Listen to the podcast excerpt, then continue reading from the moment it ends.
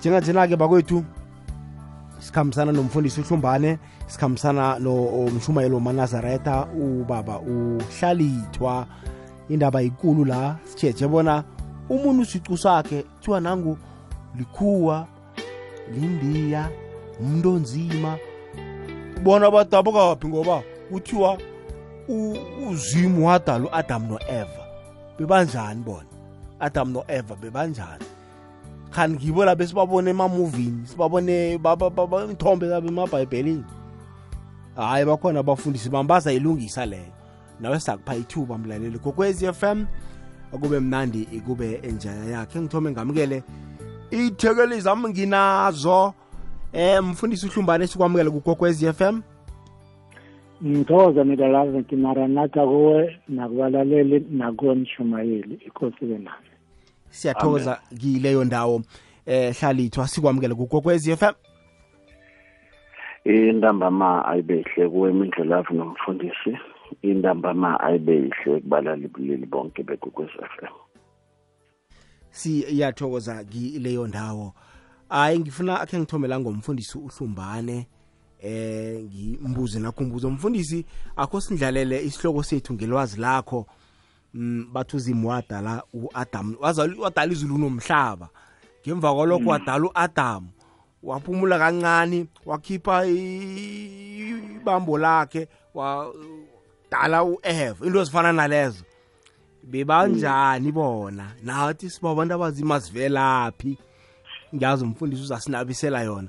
Hlumbana um ngithokoza middle love nakuwe nishumayele ngithokoze. Uzimo asibusise ukuthi umuntu athole into ayifunako eh iqiniso incwadi kaGenesis ekuyincwadi yokuthoma eBhayibhelini isitshela ngendalo noma ngezinto uzimo azibumbako ephasini. Uthe lokhu asekazibumbe zonke wabumba umuntu.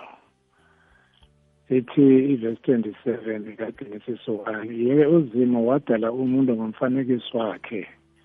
Umuntu waba umfanekiso kazimo wadala wembaji nowengubo. Uzimo wababusisa wathi kibo belethani nande nizalise iphasi nilibuse. Nibuse phezu kwenhlambi zelwandle. Inyoni zomkayi naphezulu naphezu kwenyabanyaba yonke ethamba phezu kwephasi. Eh uzimo lokadala umuntu ithi uqale ngebumba lehlabathi noma ngethuli lehlabathi. Wamupha igama lokuthi ngu-Adam ngesintu namkha ngesikhethu sithi ngu-Adam. Kodwana ngesihebheru kuthiwa ngu-Adama. u-Adama ibizo elihlathulula ukuthi ihlabathi enzima namkha ihlabathi emnyama. Umuntu wokuthoma ephasini wawumuntu onzima. Umuntu wathoma ukubusa iphasi umuntu onzima. Umuntu owathoma ukuba yinkosi ephasini ngumuntu onzima. Eh iBhayibheli ayimbizi ke njengokuthi ngo-Adama kwaphela. Kunegama elithi Kushi igama elithi Kushi lisho umuntu onzima lisho ukuthi umuntu onzima. Lelo salithola kuGenesis indima ngeyechumi eh lokha usuka nje usiyithoma phasi ukhambe nayo. Mafika kuvesi 8 iveza ukhushe ukhushe ithi wabeletha uNimrod. uNimrod umuntu owokuthoma waba yinkosi ephasini lonke emva kuka-Adam. Ukhushe isho umuntu onzima. uNimrod isho umuntu onzima. Ma ungaqala ukuhlakanipha kwabo. Alikho ngisho nekhuwa elihlakaniphe njengabantu banzima bokuthoma uzimo abadalabo ephasini.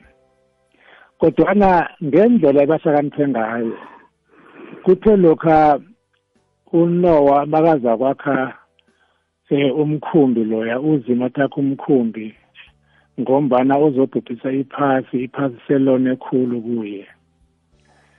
Uthe sebaqede yonke into kwavela ukuthi abantu baragela phambili lokungalaleli uzimo. Bakha loya bhoshongo ukuthi bona angekhe bazale bazalise iphasi njengobana uzimo achilo begodu uzimo njengobana athe eh uzamqolo loya angekhe asabuya abantu bona bathi uza kubuya ibanga lokwakha umbhoshongo loya ukuthi babalekele khona lokha uzamqolo eza. Okwesibili ukuthi bangagcwalisi iphasi. Ukuthoma uNimrod ukuphikisana nozimo ngendlela erarako kunayo yonke indlela aphikisana ngayo nozimo zonke izinto uzima azishoko bekade aziphikisa abe namandla begodwa ukuziphikisa abantu bamlandele ithi lokhu abakha ubhoshongo uma ufika kuvesi 11 uzimo wabona bawakhile uyephumelela ufika ufuna ufikelele ezulwini. Uthi uzimo lokhu aqale ephasini uthi awa abantu lokhu abakhuluma ilimi elilodwa bamhlobo munye benza izinto ezikhulu ngisho nezimbi bahona ukuzenza. Wathi awayithi sizakwehla sihlangahlanganisa ilimi labo kube namalimi amaningi bangazokuzwana bakhona bazakulisa uzimo wenza njalo siyithola kugenesis 11 ngoba namafunda ivesi 1 yakhona ithi iphasi lonke belinelimi linye nenkulumo yinye. Phasi lonke iphasi lonke lonke kade linelimi linye. Ukuthi kade kungiliphi lelo limi ayisitsheli kodwa nesikwaziko kade kungelimi labantu abanzima ngombana u-adam uNimrod ukhushi bonke lawa amakhosi wokuthoma ephasini bekade kubantu abanzima. Kuthe lokho asebenzisa amalimi wabo-ke kwathoma-ke uba namalimi amaningi nemhlobo eminingi yabantu. Eh enye into ke yonke into ekhona iphuma entweni enzima. Into emhlophe iphuma entweni enzima. Into enzima iyakwazi ukukhipha zonke izinto iyakwazi ukukhipha into ebovu ikhipha into emhlophe. Kodwana into emhlophe ikwazi ukukhipha into enzima. Kungakho-ke abantu abanzima bakhona ukuzala yonke imihlobo ekhona. Engijame lapho. Iyazwakala mfundisi wami. Phambi kobana nginikele uhlalithwa la ngifuna ke siyokuthengisa ngekwekhabo lakhona sikwazi ukubuya si-iragele phambili la kugokwethu siragela phambili siqinisa ibambiswano lomhatsho amateksi nabalaleli okubakhweli bamateksi. Ikwekwecfm ngehlelo isivukile breakfast show ubusayi u-arvuna nothabi. Sivala inyanga yenthuthi sihelela emateksini. Ngomvulo i-team rnb izabe irhatsha epitori isuka emanlane isiya emarabastad ngeteksi. Ngesimbi yesithandathu bekube ngeyethoba ekuseni.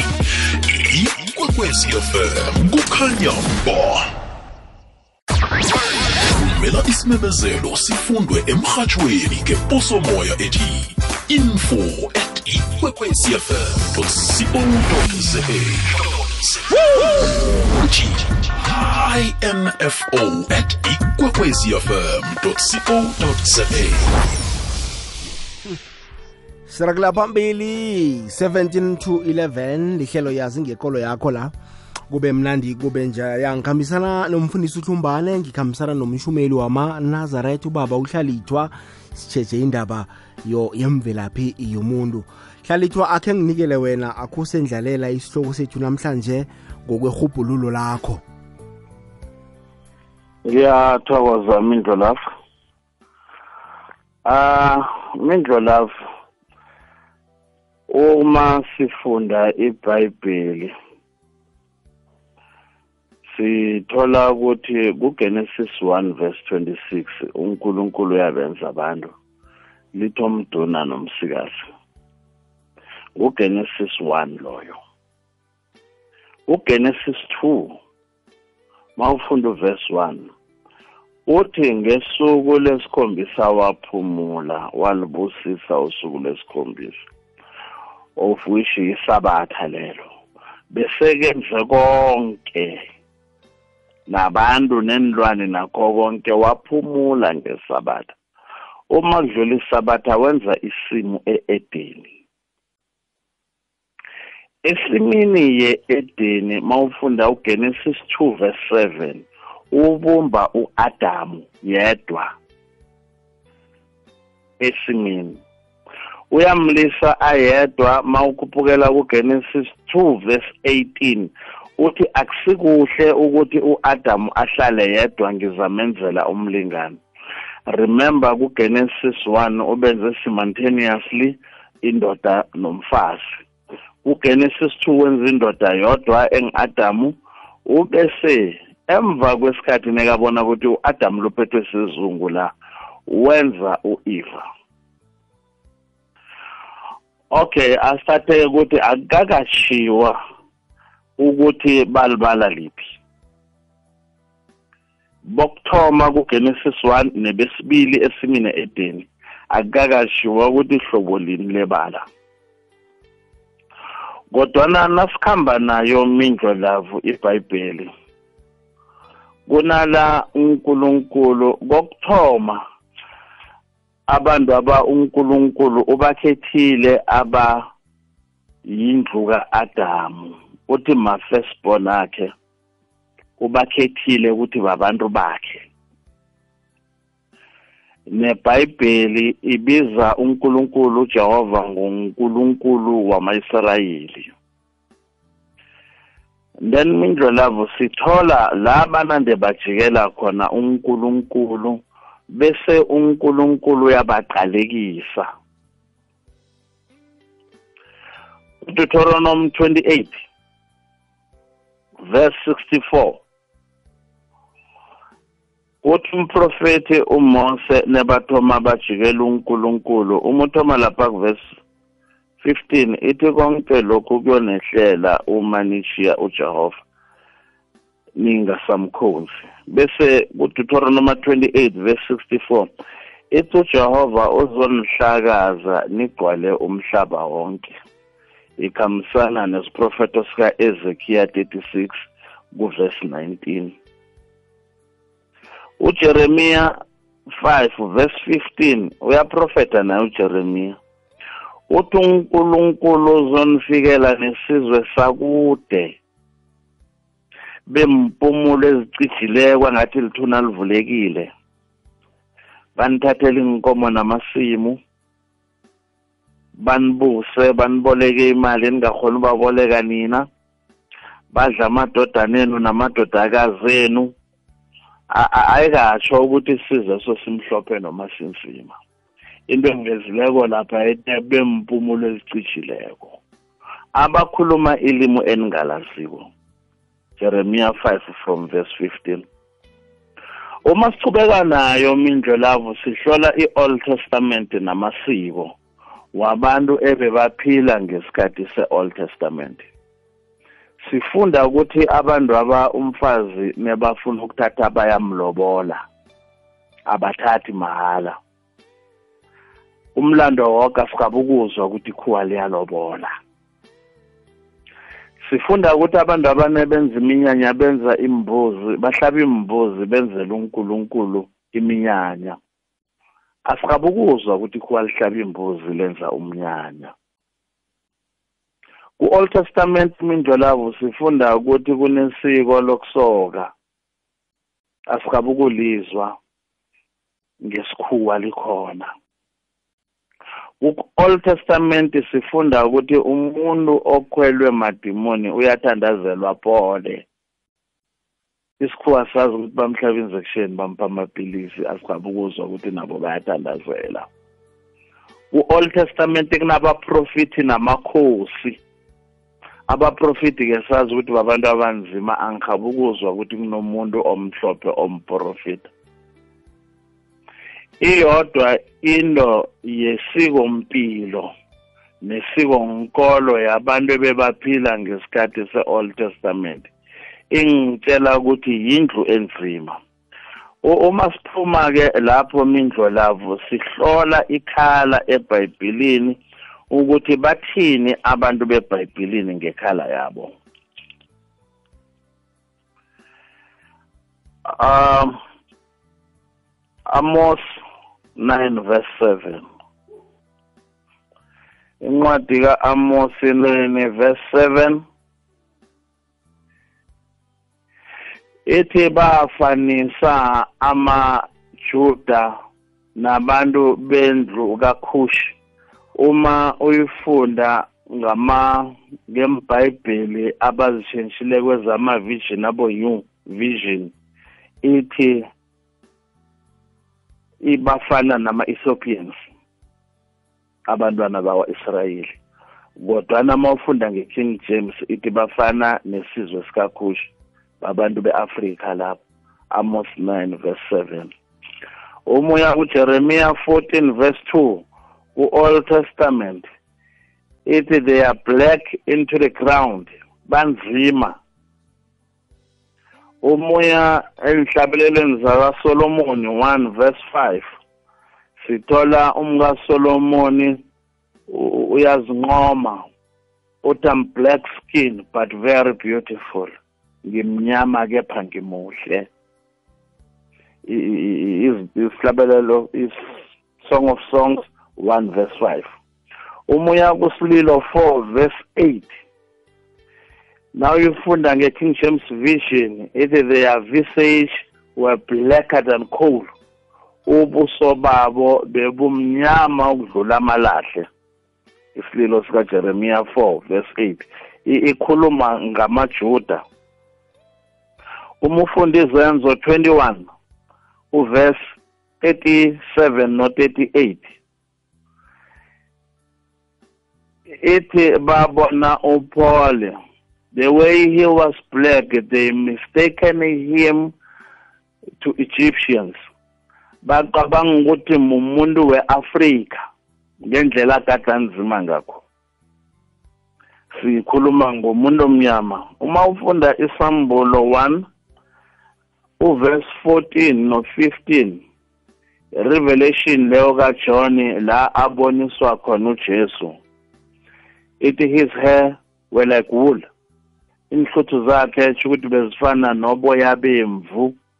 Uboya bemvu ke bu-afro bese uthi inyawo zakhe bekungathi yisimbi eshileko iyakutshela ukuthi inyawo zikajesu were brownish njengesimbi eshileko uma ufunda incwadi kaJob 30 verse 30 ithi isikhumba sami simnyama. Akukho ku-Old Testament la sivezelwa khona umbala omhlophe sivezelwa omnyama.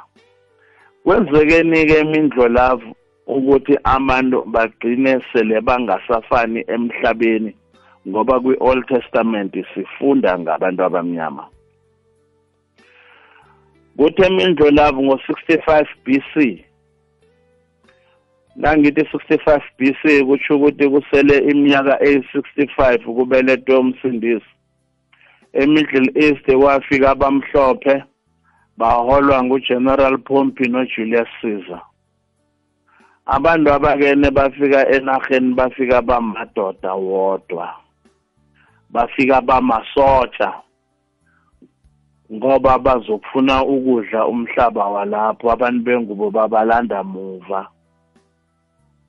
Okubuhlungu abafika bakwenza emiddle east bazithokozisa ngomseme ngabantwana babantu ngabantazana babantu abanzima nabafazi babantu abanzima babamithisa baba nabentwana abantwana nabo bakhula bathandana nabanye abanzima baba nabentwana. Ngikho namhlanje ngesizwe sesibiza ngama-arab. E-middle east nendawo eziseduze ne-middle east. Hmm. kubo-egypt morocco tunisia uh, algeria ne-middle east at large. Sekunesizwe sinjalo kufana nesizwe safika eSouth Africa ngo1652 nafika koJan van Riebeeck besinganaso isizwe esisibiza ngokuthi makhaladi kwafika amakhuwa eCape bathola isizwe samakhoisan bazithokozisa ngabantazana babo bazithokozisa ngabafazi babo baba nabentwana. Ngikho namhlanje eCape sesinesizwe samakhaladi. Izizwe zike zivela njalo ukufika kwamakhuwa. Ithe ibhayibheli isizwe sakude Europe. Manje sababiza ngama-Europeans. Ngiba ukubamba lapho ke hlalithwa sikwazi ukuyokuthengisa sinikele nomfundisi uhlumbani ithuba. Iinthuthi zinendima ekulu ekuthuthukisweni komnotho wenarha ngenkhwelo umthangalasisekelo wendlela nemizila yendimela inyanga yezenthuthi-ke yokuyelela ngamasiso afakwa ekorweni yezokuthutha nendima yethu simphakathi nombuso ukuqinisekisa ukuphepha. Inkhwelo ezingabizi khulu nokutholakala kwazo bulula neduze empilweni yangamalanga. Hashtag inyanga yenthuthi. Hmm. nambala le ikwekwezi fm kukhanya ba iba mhlanu kimzuzu phambi kobana kubethe isimbi yechumi nanye ngikhambisana nomfundisi uhlumbane ngikhambisana eh nomshumayeli wamanazaretha ubaba uhlalithwa mfundisi uhlumbane ngiyamuzwa nomshumayeli la ukhulumisa indaba yombalo onzima khudlwane ebhayibhelini manje-ke ngizibuza-ke mina ngithi alo omunye umbala phela akunamuntu owase wavela emthini. Omunye umbala lo wona wavela njani? Hmm. selazi ngithokoze khulu. Mm ngimlalele umshumayeli ukuza nayo kuhle khulu. Iye. Ya nje noma esuka omncane sisuka sisuka nakiwo sino eh sinomshumayeli. Iye akuveza yabona kunenkinga encwadini kaGenesis 1 noGenesis 2 ihlala ikhona inkinga le ayirarululeki. Eh angithome ngithi ngizama irarulula inkinga nanga abantu bangeke bayizwisise. Mm. eh ibhayibheli kokuthoma lokho alibhalwako belinganama chapter linganama verse incwadi incwadi ebhalwayo ayubhalela umuntu incwadi akube nama chapter kube nama verse ama verse nama chapter ayenzelwe ukuthi ngazi ukuthi ngigcine la kusasa mangifuna ukuqhubekela phambili ngizothoma la ngiye phambili. Yabona incwadi kagenesis one nogenesis two akusizi incwadi ezimbili incwadi yinye ikhuluma into yinye. Lo chapter one ohlukanisiwe isingeniso namkha introduction isingeniso kukhulunywa simusakhuluma nje ukuthi ngizokwenza ini abona umuntu owenza iplan ayidrowe uyibone iphelele indlu nasi kodwana isencwadini ayikenziwa. Yingakho labo bantu ebababiza ukuthi hhayi kunabantu bokuthoma uzima abadala ayibizi amagama wabo ayibasho ukuthi uzima ubeka kuphi akuveli kodwana ku-adamu kuyavela ngombana noma ibhayo kunamavesi amaningi esingawafunda azositshela ukuthi umuntu wokuthoma emhlabeni ngu-adamu uthi lokho asekafakile introduction leyo plan fanise ngeplan yendlu oyidrowileko wayibona indlu yakho nasi yihle eplanini. Wathoma-ke wakha indlu kodwana iplan seyikhona. Kene unumber one kugenesis one yiplan kodwana incwadi eyi-one akusezincwadi ezimbili. Kugenesis one no-two funa abantu bayifunde bayihlalele bayizozwisisa ukuthi ma uyifunda incwadi eyi-one introduction then kube into eyenzekako-ke. Nokuthi lapho sekama kuthiwa ngesikho ama-details ukuthi uyathoma-ke ngenze umuntu ngethuli lomhlabathi aphefumulele emakhaleni wakhe kanti ku-chapter one ayizange kutsho lokho.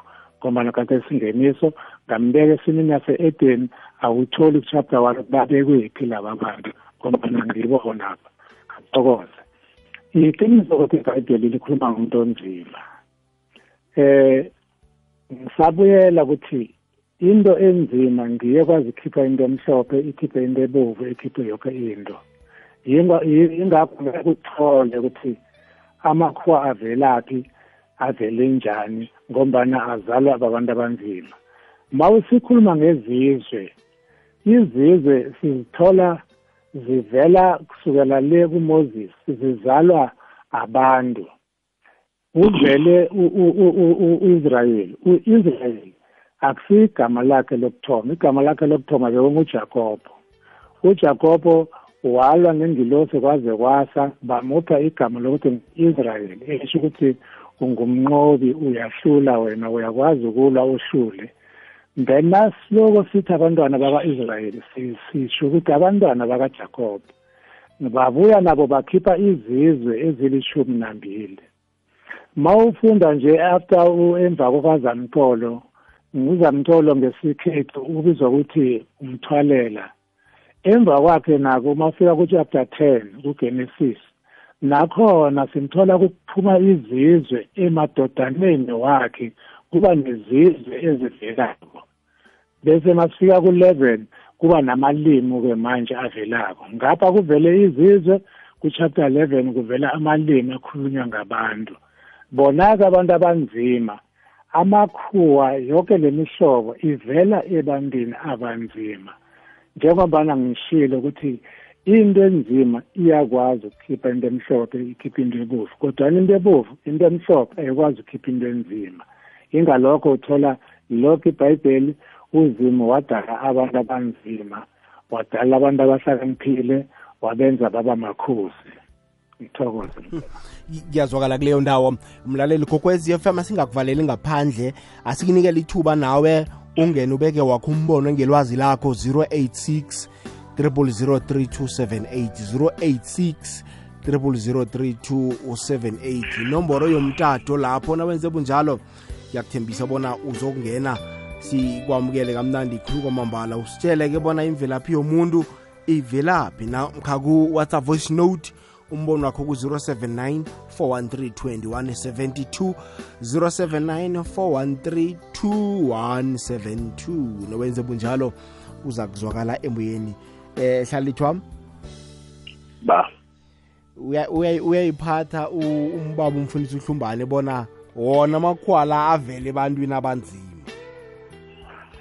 Umuntu onzima mindlo lava angakalali nekhuwa angekhe alivala ikhuwa ingibetha lapho nekhuwa ungakalali nomuntu onzima angekhe lamzala umuntu. Yangibetha lapho ngoba nani ene okhunye mindlo lavo la umfundisi a insista khona ukuthi u-adamu no-efa babantu bokuthoma. Nokho nawufunda uGenesis 4 lapha uKayini aqeda ukubulala umfowabo uAbela uJehova uyamsusa eEden lithi iBhayibheli wayezweni laseNorth wafika wamazi umkakhe bese lelihlala bani izwe laseNorth uzalwa ngibani umkakayini lo nengaba abantu besele kusele 3 wes4 abhubhile ngiyinto engikutshela ukuthi ukayini no-abel akusibo abantu bokuthoma. That is why ukayini nekasuke edeni. Waya kelinye ilizwe isho njalo ibhayibheli in the eastern side of of eden wafika e, e, indawo okuthiwa i-north wamazi umkakhe. Okay lento la lesinye isihloko lesi. Oh sikangena kwelinye ihlangothi-ke nje. Mm. Ngiyabona ufuna ukuthwayela mhlambe ngalokho akukhulumileko umfundisi uhlumbane mfundisi? Awubuza mina ya ngithi mhlambe bowufuna ukungena ekulumeni eh, kababa uhlalithwa ufuna ya ingalokho ngithi ngesinye isihloko. Ngombana ungizwile ngithi labantu ekuthiwa abantu bokuthoma ekufundwa ngabo kungani kungatshiwo ukuthi abantu aba bangabobani? Babekwa kuphi? Ngombana u-adam no-eva babekwa esimini yase-edeni labo kuthoma babekwa kuphi?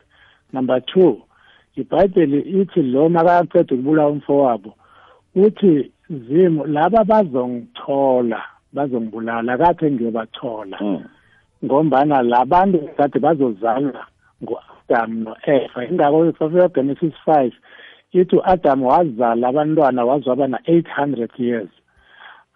Gadokha bonke abantu begade bathatha bodadewabo bathatha nabafowabo. Into yokuthi kungasathathi umfowenu nodadewenu yathoma umoses masekabuya nabantwana bako-israyeli unzima wathi moses umuntu angasathathi udadewabo. Yasigcina lapho. Yibi kade ikhona kwakade. Umuntu athatha udadewabo athathe umfowabo. Yonke le that's why ngithi le isihloko ngesinye isihloko lesi. Ingasikhiphi kule sihloko esisiphethe okay ngifuna khe ngiye kumlaleli kokwezi FM la. Mindlo love bengiba ubuza mina kahle kahle kahle kahle. According to the bible umntwana kaAdam noEva kuhle kuhle ngubani? Ngubani umntwana kaAdam noEva? Ene bahlangana nini baze benze umntwana? According to the bible. Mbuzo wami loyo eh Chigwana bawuthi kongibuzele kubobaba lapha abafundisi ke bangiphendule. Also believe akhe ngiwuphe u- umshumayeli. Hlalithwa baba. Nakumbuzo i-firstborn ka a- ka Adam no-Eva ngukayini. I-second born ngu-Abela. Bese emva sele kufile u-Abela lithi iBhayibheli uKayini u-Adam no-Eva baqhubeka baba namadodana namadodakazi. Baphila more than 800 years ba- bazala. Umlaleli ke ufuna i-firstborn ngukayini Exodus 4 eh verse uh, uGenesis 4 verse 1 ithi uAdam wamazi umkakhe. Wakhulelwa wazala uKayini. I- i- iya- iyazwakala. Ngifuna isihlumbane ikulumo ekhulunywa ngumshumayeli ikuhlalela njani? Ya i- iqiniso ukuthi u- u- u-adamu abantwana baka-adamu ukayini u-abela owesithathu kwaba useth. Ndani abalandelako? Ayibasho ukuthi bobani. Baragela nje phambili bathola abantwana baze baba na-eight hundred years. Awuzweke. Igogwezi lelo tshani? Igogwezi? Yebo mindlolavu kunjani baba? Angikhona. Siyavuka. Emi- ibhayibheli ithi uNkulunkulu wadala abantu wababeka ehlana wabanika ubuhlakani nam- nam- nesiliva. Mm. Labo bantu labo kwakungamakhuwa labo. Ayithi amakhuwa yiyona nje ahlakaniphile ukudlula abantu abantu ba- babunjwa. Azange badalwa babunjwa babeka ensimini yaseyedini ukuthi ba- bathiye izinyamazane ba- ba- bathiye inyamazane amagama ukuthi u-adamu ukuthi athiye ama- izinyamazane amagama ukuthi le izinyamazane enje enje enje amakhuwa yiwo ababeka le ehlane wabanika ubuhlakani. Ukwambonaphi isikhumba e- i- i- inhlabathi efana nomlungu? Ayikho inhlabathi efana nomlungu. Hmm. ungangibuzela lapho ubafundisa ukuthi ngabe loko ngikhulumayo ungamala na? Bamba njalo ngifuna isihlumbane yinye ivesi lapho uzima athi asenze abantu ngomfanekiso wethu. Uyithola Yebo. kugenesis one verse twenty-six. Ayikho enye ethi asenze abantu ngam- ngomfanekiso wethu ngaphandle kwaleyo ingalokho kuvela adamu kuvela u-eva. Iyazwakala kuleyo ndawo. Ngifuna khe ngizwe umlaleli la. Lotshani mindlo lava nabafundisi bami. Lisokana Oh. lakamahubane elikhulumako. Iye mina ngijama nendaba leyo ukuthi u-adama no-efa baba ngathi ngibo abantu bokuthoma. Ngoba kuyatsho ukuthi ukayini emva kokuthi abulale umnakwabo abele waya kubomalumakhe. Abomalumakhe labo baphumaphi. Bebakuphi? Soke isikhathi eso abantu abanye labo okukhulunywa ngabo. Lona ibhayibhili liyatsho ukuthi u-israyeli nguye umntwana wokuthoma wakazimu omkhethileko omthandako. Maye lokho kuyatsho ukuthi nabanye bakhona mara ama-israyeli ngibo laba uzima abakhonze khulu aphila kibo. Eh nido lapho iinthuthi zinendima ekulu ekuthuthukisweni komnotho wenarha ngenkhwelo umthangalasisekelo wendlela nemizila yendilela inyanga yezenthuthi ngeyokuyelela ngamasiso afakwa ekorweni yezokuthutha nendima yethu simphakathi nombuso ukuqinisekisa ukuphepha. Iinkhwelo ezingabizi khulu nokutholakala kwazo bulula neduze empilweni yangamalanga. Hashtag inyanga yenthuthi silimela sikhathi sokuthwasa kwehlobo. Umkhanyo welanga uhlabe iphasi liyakhanya. Emthunzini womuthi. Kuphebetha umoya opholileko. Bubuhle besilimela. Nambala le ikwekwezi fm 10 past 11 mfundisi uhlumbane ngathi bona okuthiza ofuna ukungeza kumlaleli akushwilo ya bengifuna ukulungisa le ndawo. Njengombana ngithe linye ivesi lapho uzima a- athi asenze abantu. Begodu elilandelayo elilandela kuzimo uzothi zalanani nande zase iphasi. Uragele nayo phambili ithi wabathatha wababeka esimini yase-edini wathi ilimeni niyilinde. Abokuthoma abatshiwa kuveli babekwephi? Kushiwo nini kibo ukuthi zalanani nande? Kungani bangakasho kulabo kuthoma bangakasho ukuthi babekwa kuphi? Umraro wami ulapho yingakho ngithi abantu bokuthoma u-adam no-efa le sasingenisa abantu esibararako isingenisa incwadi yodwa le ugenesis one nogenesis two incwadi yodwa la kugenesis two kula uzimo sekabeka ngama-details ukuthi ubumbe njani umuntu ubumbe njani iphasi zonke lezo zinto. Yingakho sikwazi umtholo adam ukuthi ngu-adam wakhishwa u-efa kuye wenzelwa umlingane. Wabekwa esimini yase-eden kwathiwa uyinkosi makayibuse. Lento khona leyo ubamhlalithi ayishile iqinisa ukuthi nanamhlanje angeke wabona amakhosi awabantu abamhlophe. Amakhosi ngabantu abanzima kwaphela. Laba abamhlophe kuzothiwa ama-president ama-what what kodwana abantu abanzima ngibo amakhosi ngombana uzimo wabadala baba makhosi kodwana abantu mabangalahleki.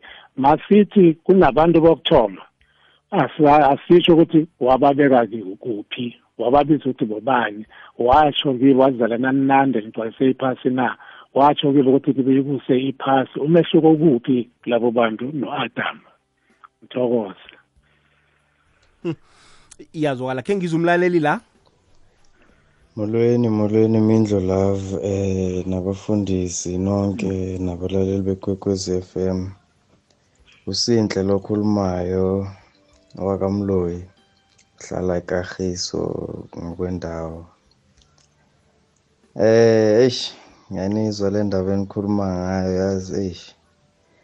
Kade nami ngiyibuza imibuzo efana naleyo kodwa nje nokunye engiyibuza kona kungani? Khona eBhayibhelini wonke lamagama labantu kuwesilungu. Kungani angazi noma mhlambe enye le i-topic for for elinye ilanga kodwa nakho lokho okunye nje ukuhamba kungidida nje kodwa hayi ngiyabonga. Siyathokoza kuleyo ndawo. Gokwezi lotsha? Igokwezi? Yebo, kunjani baba iyaphila njalo. sikhona baba Hayi usulena ke ehlala nkosi kwanongoma. iye Ne umakhosi kwanyandeni lokhuluma. inyandeni Yeah. Cha, ngiyabezwa befundisi ngendlela ababeka ngayo. Eh kodwa ke mina ngithi umu eh ngo- ngokulandela nami kwami iBhayibheli ngobuncane bami. Eh mina umuntu wokuqala ngazi ukuthi eh uAdam. Ngoba uAdam ngicabanga ukuthi uNkulunkulu wambumba wasemphefumulela ukuba aphile usho ukuthi uAdam nje akanamama kanababa baba wakhe uNkulunkulu umama wakhe uNkulunkulu. uEva ungumuntu wesibili ngoba unkulunkulu wabe esebona ukuthi u-adamu unesizungu. Wayesebona ukuthi ngcono amtholele umsizi akazophila naye akazohlekisana naye. Wayesebasa-ke ensimini-ke sebehlala ubabili-ke ensimini yase-edeni yebo ake ngiyimeze lapho ngiyabonga. Konje bakwanyandeni ngebakwabani? Ithakazelo. Oh abakwanyandeni wokhukhuza kangwenyama khukhuza eh ovumisa. Okhukhuza yebo hayi isithokozile khukhuza ngiyabonga awuzweke. Gogwezi lotsha eh njani na? Isikhona kunjani baba? Njengosikhosana mna ephroda ikhona la ngingatholi umphumela kuhle. Laba abantu abanekanda ba? Isizwe lesisakha umbhosongo sa sathi nasiwakhako uzimo wathi hayi labantu laba bakhuluma ilimi linye and sebaseduze asehleni ngiyokusirikisa le le lamano wabo la. Lesizwe lesingisithi-ke leso. Nakhona la thina ngangifunda suke ngibe nomraro lapho qala.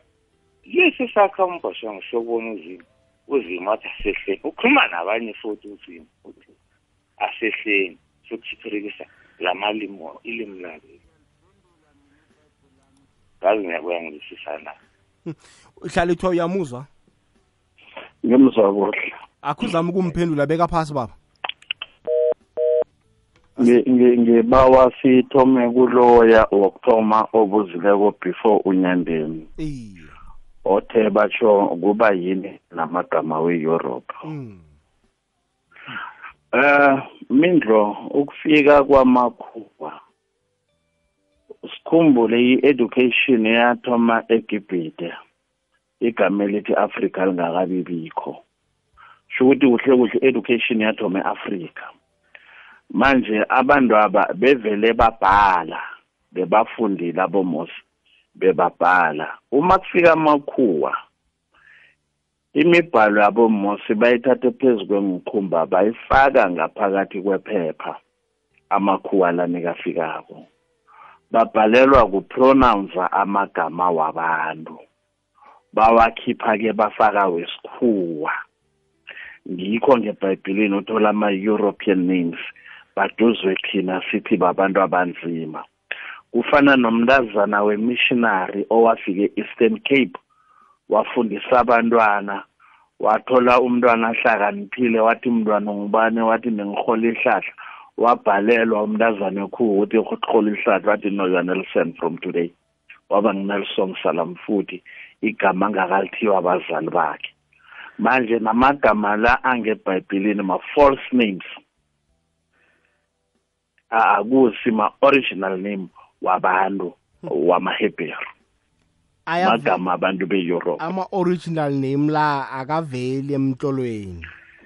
Basifihlele ngoba imitlolo yabhalwa amaheberu bayishisa kwasala le imitlolo ebhalwe ngiwo amakhuwa then siyagadelela ukubabiza ngamagama lawo ngoba okubalulekileko akusimagama la mlayezo ongaphakathi lona history engaphakathi ukuthi baphile njani nonkulunkulu abantu aba oh kuhle kuhle ibhayibheli mlando. Wabantu yes. ababaneshudu lokuphila ngenkathi zikazini aha. Oh ngiyabona mfundisi amhlumbano uyavumelana nenkulumo leyo? Ya nami kangeke ngivumelane hundred percent. Amanye amagama kunesihebheru. Isihebheru akusisikhuwa kunama-greek sale sacala amagama la ukuthi ngabe isigreek yini? Lama-greek mhlobo masilandele ebhayibhelini bamhlobo muni. Yonke le mhlobo siyithola ngombana kunamagama wesikhuwa sithi ujehova. Ujehova kuhle kuhle akusiligama lakhe kuthiwa uyawe yawe isigreek leso akusisikhuwa. Kunabojoshua ujoshua akusisikhuwa. Amagama nje siwatholako ayachugululwa lapha nalapha. Kodwana uqinisele ngathi into eqakathekile ile nto esiyifundayo. Kodwana kusho ukuthi fanele singawalandeli amagama siwafune ukuthi la kwenzekani la kwenzekani ngombana lonke igama elikhona liyakhuluma. uJesu igama lakhe asikuJesu uMesaya. Igama lethi Mesaya lisho ukuthi msindisi. Wonke amagama wabo akhuluma ngomsebenzi wabo. Yonke ke umshumayeli wonke umprofeti igama lakhe likhuluma ngomsebenzi wakhe eBhayibhelini. Kungakho namagama la aqhakathekile ukuthi siwafunisise ukuthi la kwenzekeni umsebenzi walo begade kuyini lo begade kuyini. Kodwana asikho khulu namhlanje lapho. Kuyazwakala uh, hlalithwa ngiba usivalele ihlelo lethu lanamhlanje. Ngiyathokoza mindlolafa ngithokoza umlaleli ovulele ikwekwezi FM wasilalela. Ibanzi indaba yanamhlanje. Ngiyayibona. Phecelezi uNkulunkulu ubekade anguNkulunkulu wabantu. Nanoma mindlolavu umhlaba wonke sewumkhonza uNkulunkulu. Kodwana kakade kakade uNkulunkulu bekabetha ama-Israyeli nekangamlaleliko ezinye zintshaba bekazilisa. Namhlanje sike bayasinikela amagama bathi siHebheru amaHebheru akekho emhlabeni ungawukhamba woke. amaGriki nazo zonke iintshaba ezikhona ngebhayibhilini zikhona. Abantu abangekho mahebheru ngoba amahebheru ngithi abantu abanzimaba. Manje ama-arab asifundisa isi-arabhu bathi sihebheru basifundisane into zabo secondly alikho igama elithoma ngo-j lesihebheru ngiyathokoza mlaleli sibeshwa sikhathi mhlambe umindlolavu uzasinikela ngelinye ilanga isikhathi esidanyana sikhone ukunaba. Ikosi ibusise indlebe elaleleko ikosi nayo ikubusise mindlo ikosi ikubusise mfundisi. Siyathokoza hlalithwa um mfundisi uhlumbane akusivalele? Ngithokoze khulu. Yabona lapho uhlale uqinisile nginalo ibhayibheli lesifeteri la uJ angekho umthole kilo lokho iBhayibheli. Yonke indawo la kunoJ khona basebenzisa uY. Eh ngithi mlaleli mawusekhaya uthandaza ukuthi umoya ocwengileko ukuhlathululele lokho ufunda iBhayibheli. Siyazi uzima uzaba nawe. Ngithokoze nekwekwez f m. Ngithokoze nomhlalithwa inkosi ibe nani sithokozile mfundisi uhlumbane nomshumayeli uhlalithwa sihloko esimnandi lesi esidinga isikhathi esinabanabileko siza sibuyisa ngelinye lamalanga singena ngenelele kiso sithokoze awuzeke siyathokoza.